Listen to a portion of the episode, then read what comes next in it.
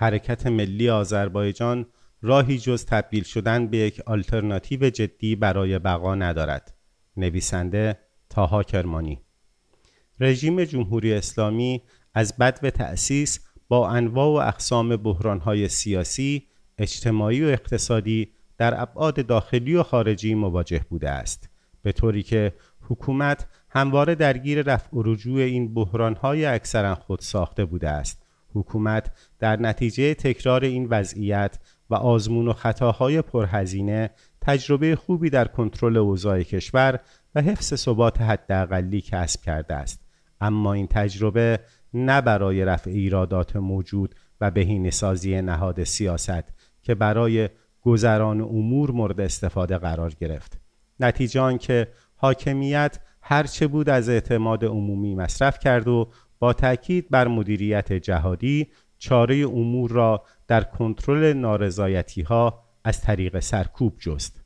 نهایتا امروز آنچه اکثر غریب به اتفاق عالمان سیاست در ایران بدان اعتراف می کنند ناکافی بودن قدرت سرکوب در کنترل نارضایتی عمومی است.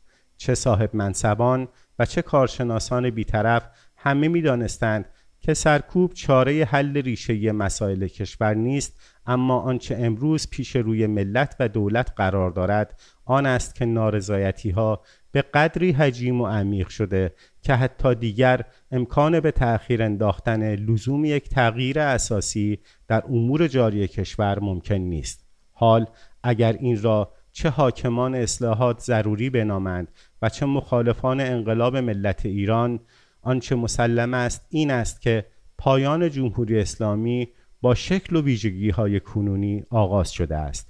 با این توصیف بحث آلترناتیو های بعد از رژیم جمهوری اسلامی و نقش ایشان در حین و بعد از تغییر عمده به اصلی ترین مسئله پیش روی در ایران تبدیل شده است.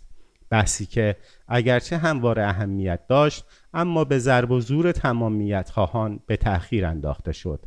در میانه جنگ و جدال بر روی سیستم مطلوب آینده پس از جمهوری اسلامی بحث بر روی تمرکز قدرت نقل تمام محافل است.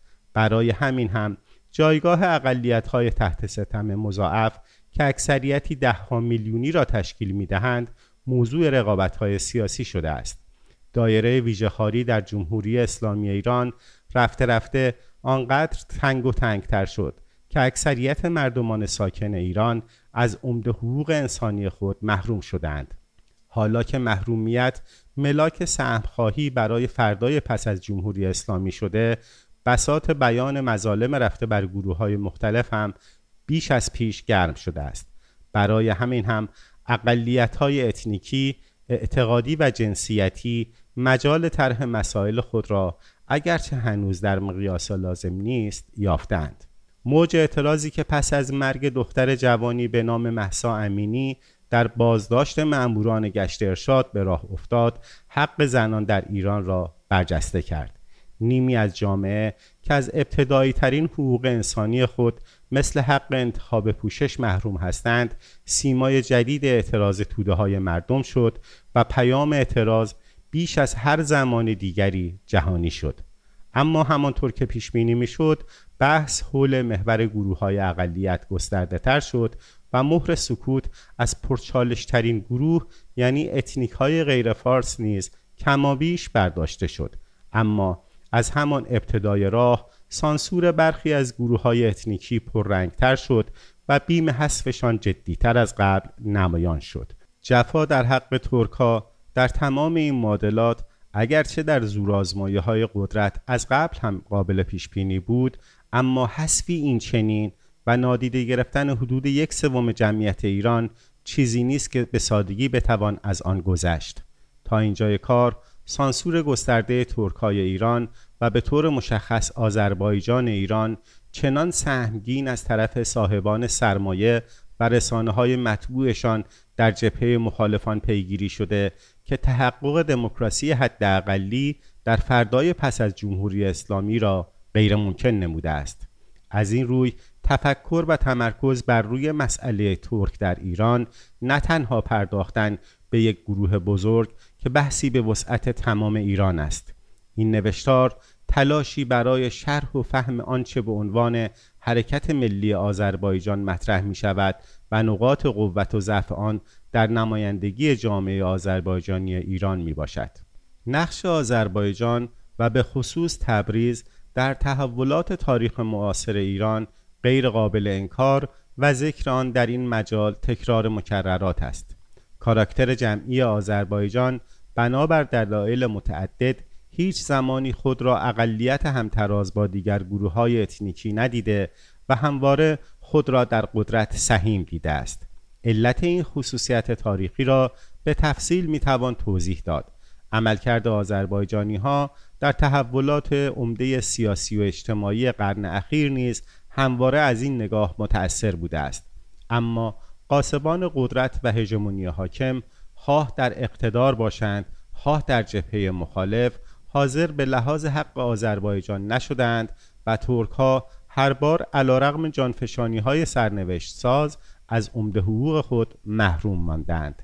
انقلاب مشروطه و انقلاب اسلامی از شواهد مهم این ادعا می باشند پس از استقرار نظام اسلامی در ایران ترک ها جزو اولین گروه هایی بودند که صدای اعتراض برآوردند. این اعتراض اگرچه در رویدادهای شریعت مداری رنگ منطقی پررنگی داشت اما همواره نگاه کلی و ایران محور نیز داشته است. اما در جلب حمایت از جریان مخالف مرکزگرا ناموفق بوده. به خصوص تبریز زمانی که در جریان کوی دانشگاه همصدا با تهران در راه آزادی مجاهدت می کرد توجه کافی از طرف مرکز را جلب نکرد. بعدها در خرداد سال 85 و انفجار سالها خشم فروخورده ملت ترک آذربایجان و سکوت و همراهی دیگر گروه های اتنیکی به خصوص فارس ها با حاکمیت به شکاف موجود بین مرکز و حاشیه رسمیت بخشید.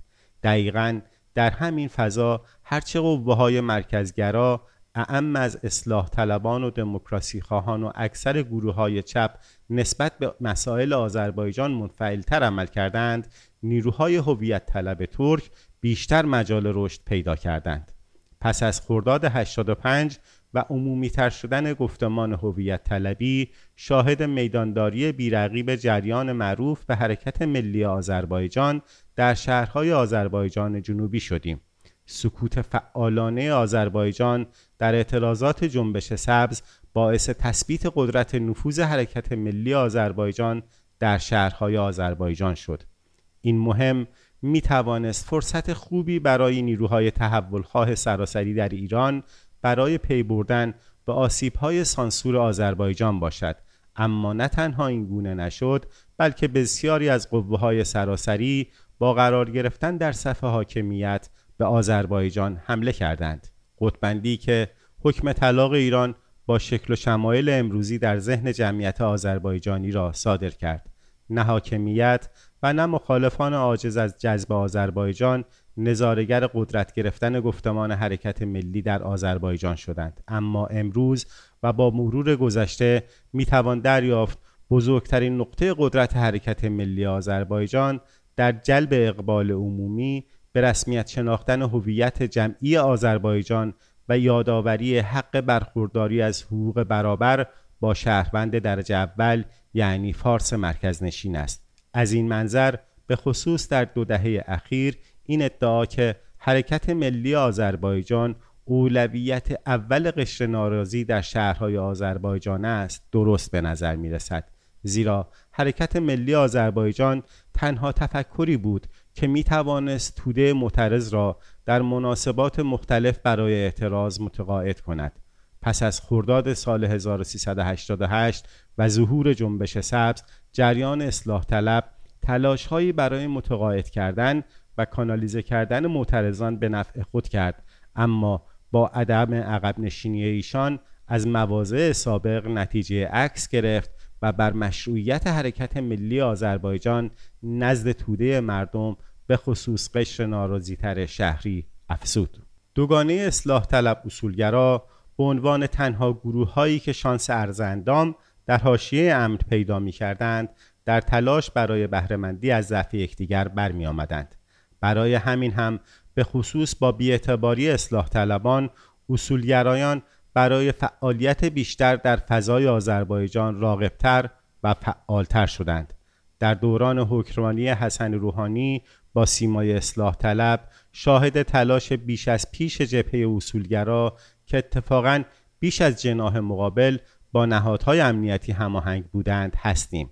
از طرفی گفتمان حرکت ملی آذربایجان در میان توده مردم بیش از آنکه یک جریان آزادیخواه و دموکراسیخواه باشد به عنوان یک جریان هویت طلب در تلاش برای بازگشت به ایدئالی شناخته می شود که در گذشته جا مانده است. یعنی حرکت ملی آذربایجان در تلاش برای یادآوری گذشته درخشان و ظلمی که بر او رفته است می باشد و چیزی که وعده می دهد نیز احیای آن گذشته درخشان تاریخی حد اکثر با رنگ و لعاب امروزی است. این گفتمان راستگرا در تقابل با اصلاح طلبانی که در منظر عموم چپ انگاشته می‌شد توانست زیر سایه بدنامی اصلاح طلبان اقبال عمومی جلب کند. شاید موفقیت نفوذ اصولگرایان و به بیان دیگر نهادهای امنیتی در پوشش و گفتمان هویت طلبانه در بدنه حرکت ملی آذربایجان را نیز این گونه به توان تشریح کرد. با همان منطق همرنگی و بعضا گفتمان موازی در آذربایجان غربی تحت نام مقابله با تروریسم و ادعاهای ارزی گروه های کرد توجیه و حتی توصیه هم شد. این روند تا جایی پیش رفت که از جنایتکاری مثل حسنی نماینده ولی فقیه در استان آذربایجان غربی و امام جمعه ارومیه توسط برخی از منصوبین حرکت ملی آذربایجان تقدیر و تمجید شد. این روی کرد که البته تنها در بخشی از بدنه حرکت ملی آذربایجان پیگیری می‌شد ضمن سلب اعتماد عمومی در بین دموکراسی خواهان ترک موجب خدشدار شدن سیمای جنبش در نزد افکار عمومی خارج از آذربایجان نیز شد. تمام اینها مجموعا وقتی کنار یکدیگر قرار می گرفت منظری واکنشی به حرکت ملی آذربایجان می‌داد که نه تنها فاقد ابتکار عمل و جریان سازی است بلکه تماس با نهادهای امنیتی جمهوری اسلامی را نیز رد و نفی نمی کند این مهم اگرچه در تسریع جدایی شهروند آذربایجانی از جریانهای مرکز محور بسیار موثر واقع شد اما موفق به تثبیت خود در قامت یک آلترناتیو نشد. یعنی حرکت ملی آذربایجان در میدانی که شهروند آذربایجانی از طرف حاکمیت و مخالفان مرکز محور انکار می‌شد به محرک قوی بیداری ملی تبدیل شد اما نتوانست به آدرس راه حل مشکلات تبدیل شود. حرکت ملی آذربایجان توانسته افکار عمومی را نسبت به بحران هویت حساس کند و در برابر سیاست های یکسانسازی فرهنگی صدی بنا کند و خصوصا در بخشی از جامعه آذربایجان واکنش قابل توجهی برانگیزد. این جنبش با هر تعریف و کیفیتی که در نظر گرفته شود در برجسته کردن مسئله زبان مادری موفق عمل کرده و توانسته با یک کمپین مستمر آن را به سطح یک مطالبه عمومی ارتقا دهد. اما با گذشت بیش از دو دهه فعالیت و تمرکز بر روی مسئله آموزش زبان مادری و دادن هزینه های بسیار در عمل موفق به گرفتن هیچ امتیازی از حاکمیت نشده است. صدها شهروند در سراسر ایران در ارتباط با این مطالبه بازداشت و به انواع مختلف مجازات شدند اما هیچ گام مشخص و ملموسی به جلو برداشته نشده است فعالین حرکت ملی آذربایجان به خصوص در سالهای ابتدایی عمومیتر شدن جنبش برای پایین نگه داشتن هزینه تأکید زیادی بر غیر سیاسی جلوه دادن حرکت ملی آذربایجان داشتند. به اعتقاد بسیاری این روند یکی از رمزهای موفقیت فراگیری گفتمان حرکت ملی در بین توده مردم بود. اما با گذشت زمان و رادیکال تر شدن مخالفان داخلی سطح مطالبات حرکت ملی دست کم در میان فعالین داخل کشور از دیگر رقبای جبهه مخالف عقب ماند. خصوصا در سالهای اخیر و با عمومی تر شدن نارضایتی های عمومی و جلوه آن در اعتراضات خیابانی پرتداد گفتمان فعالین حرکت ملی که در سالهای گذشته سفت و سخت به نظر می رسید به نوعی مماشات با حکومت ارزیابی شد مردم در سوی با فعالین گروه های مختلف مواجه بودند که رأس نظام جمهوری اسلامی را هدف قرار می‌دادند و فعالانه و طلبکارانه مدعی قدرت بودند و در سوی دیگر توقف گفتمان حرکت ملی آذربایجان در مطالباتی چون آموزش زبان مادری روبرو می شدند. در حالی که مطالبات اقتصادی و خواسته های مرتبط با آزادی های فردی و اجتماعی به حد اکثر نفوذ بین توده های مردم رسیده بود حرکت ملی آذربایجان ناتوان از طرح گفتمان درباره موضوعات مشهوری چون حقوق زنان است. از طرف دیگر عدم هماهنگی و در واقع شکاف بین مطالبات و گفتمان بین فعالین داخل و خارج نوعی چهره فانتزی و غیر جدی از حرکت ملی آذربایجان نزد افکار عمومی در داخل و خارج کشور ارائه داد. فعالین حرکت ملی آذربایجان در داخل با گفتمانی بسیار محافظه کارانه حول مطالبات حداقلی که دیگر اولویت و نخست مردم نبود بیش از پیش غیر کاربردی شدند و فعالین خارج بدون ارائه طرح و حتی ایدئالی معقول و بدون توضیح چگونگی تحقق سخن از استقلال و تأسیس کشور مستقل آذربایجان جنوبی می‌گویند. نتیجه آن که در پیشگاه ملت حرکت ملی آذربایجان تنها در جایگاه تریبونی برای طرح مطالبات فرهنگی حول محور زبان مادری مانده اما در عمل امکان و حتی ادعای جدی برای ارائه راه حل برای مشکلات مردم ندارد. خصوصا پس از شروع اعتراضات خیابانی اخیر و دوران پسا محسا امینی که ساختمان شیشه‌ای دوام و شکست ناپذیری جمهوری اسلامی در بین افکار عمومی شکست و امید به تغییر رژیم بیش از هر زمان دیگری در اسفان زنده شد حرکت ملی آذربایجان دست کم تا اینجای کار نتوانسته در قامت یک آلترناتیو سهمخواه از قدرت ظاهر شود. از این روی تصور یک کتازی حرکت ملی آذربایجان در بین ترکان ایران در بین خوشبین ترین فعالین نیز به شکل جدی زیر سوال رفته است. کار تا جایی پیش رفت که گفتمان ریسیستی پهلوی که سالهای سال در جهت مخالف تبلیغات حرکت ملی آذربایجان قرار داشته و به نوعی در بسیاری از مواقع پیشتر از رژیم حاکم در هدف فعالین ترک قرار داشت نیست به یکی از جاذبه ها نزد ترک های ایران تبدیل شده است. اگرچه تأثیر برخورداری سلطنت طلبان از انحصار رسانه‌ای و بمباران تبلیغاتی را نمی‌توان کوچک شمرد اما حس خطر فعالین ترک در آذربایجان برای باختن قافیه به رقیب منفوری چون پهلوی خبر از وخامت اوضاع می‌دهد. ناتوانی در تأسیس و حفظ حتی یک تشکیلات سیاسی منطبق بر اصول حرفه‌ای در بدنه حرکت ملی آذربایجان نداشتن هیچ رسانه مناسب بر استانداردهای حداقلی و عجز در تربیت، جذب و به کارگیری بهینه از نیروهای سیاسی همتراز جریانهای رقیب تصویری به شدت ناامید کننده و غیر کاربردی از حرکت ملی آذربایجان به مخاطبان اصلی همانا مردم آذربایجان جنوبی ارائه داده است. ضعف رقبا و اناد و اصرار ایشان بر فاشیزم یکی از دلایل عدم موفقیت جذب گسترده مردم آذربایجان به گروه های دیگر بوده. اما مصادره به نفع آن توسط فعالین حرکت ملی آذربایجان اگرچه در دنیای سیاست معمول اما تفسیر آن به قدرت نفوذ خوشخیالی بیش نیست. حتی در موارد بسیاری تبلیغات بخش قابل توجهی از فعالین داخل و بعضا خارج برای عدم همراهی با اعتراضات با منطق مقابله با گروه های مخالف چهره حکومتی و یا دست کم غیر کاربردی ضعیف و بیگانه با خواسته های مردم از حرکت ملی آذربایجان ارائه داده که علاوه بر ایجاد دافعه در بدنه جامعه آذربایجان موجب بروز دشواری های بسیار در ایجاد دیالوگ و همکاری های بین گروهی نیز شده است.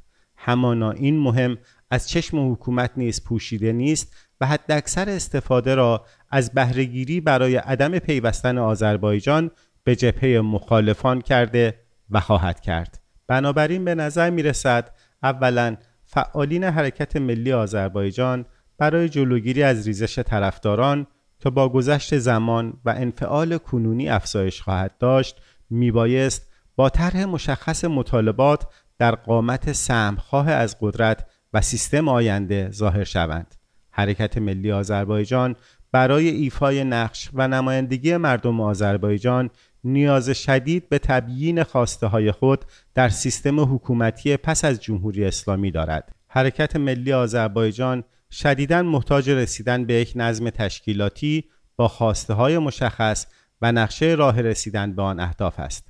شکی نیست که ملاحظات فعالین داخل کشور امکان مانورهای رادیکال را سلب می کند اما استقامت در چارچوب ایدئال آینده برای سیستم حکومتی و سهمخواهی جدی لازمه ماندن در میدان مبارزه و رقابت است. در غیر این صورت میدان سیاست جای خالی حرکت ملی آذربایجان را با انعطافهای هوشمندانه و به احتمال زیاد ریاکارانه پر خواهد کرد.